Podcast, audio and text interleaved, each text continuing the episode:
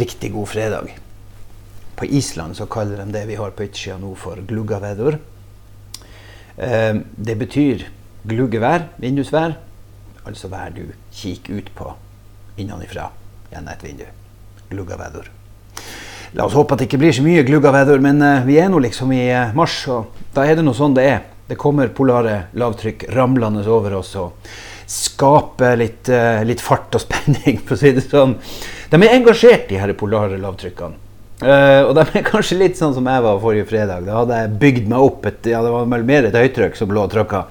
Uh, jeg ble engasjert. Uh, og jeg ble engasjert i noe som jeg tror på. og på vegne av en, en gruppe som jeg følte vi var nødt til å si ifra at måtte få lov å være engasjert. Og det her med engasjement det er kjempeviktig. Det å ta tak i ting som vi tror på. Og så er det mange måter å gjøre det på. noen går inn i et engasjement med hud og hår. Det kan være miljøsaker. Uh, man, man, dropper bilen, man reiser bare med tog. Man drar ikke til Syden, man sykler på ferie. Altså Man gjør alle de tingene som alle egentlig burde ha gjort hvis vi skulle ha klart å forhindre klimakrisa. Men da måtte vi ha gjort det for lenge siden. Så har du andre som er ja, sånn som jeg, som mer eller mindre mest prater om det. Uh, og som, som vet at den dagen du faktisk er nødt til å gjøre noe med det, så kommer det til å svi. Men det her er jo litt som å ta en blodprøve. Det, det, det, de færreste tar en blodprøve fordi at du har lyst, du, du tar den fordi at du må. Og Sånn er det vel med klima. Og vi gruer oss veldig. Men vi er engasjert. Og så må vi få lov å være engasjert på ulike vis. Og jeg tenker at vi må tillate det. Vi må tillate det engasjementet. I etterkant av min fredagsprat sist så så, så, så jeg på, på Facebook-feeden under her at det, det, det poppa opp med et voldsomt engasjement. Og, og, det var noen som var veldig klimaskeptisk og mente at uh, det hele var bare en hype. Mens andre tok veldig tenning på det og, og var veldig argumenterte imot som best de kunne. Uh, og den debatten var saklig og den var grei. Det var ingen heldigvis som, som tok uh, i bruk ord som man ikke skal når man argumenterer, men man forsøkte å overbevise hverandre på et relativt redelig vis at, at man var dypt uenig. Og det er greit. Den type engasjement må vi tåle. Og så må vi, og det er litt viktig, for det, kunne kanskje virke som at jeg ikke forsto humoren i denne Facebook-delinga sist. Jo da, jeg har ingen problemer med å forstå at det her var de aller aller fleste forsøkte å gjøre det her til en artig sak. Men, men problemet er bare det at, at, man skal være veldig forsiktig med ironi overfor barn.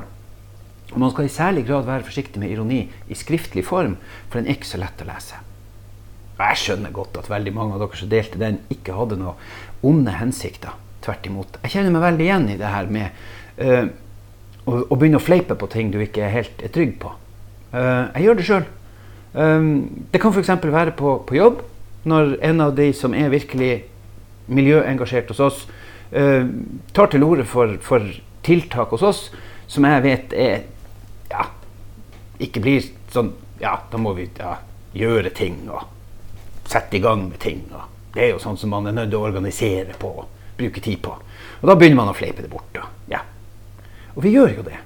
Fordi at vi bruker humor til en måte å distansere oss fra ting på. Det, noen ganger er det greit, men så må vi av og til stoppe opp og så må vi spørre oss sjøl er vi i ferd med å latterliggjøre dem som nå har et engasjement. Og det må vi vokte oss for. Og det var egentlig min lille greie forrige uke.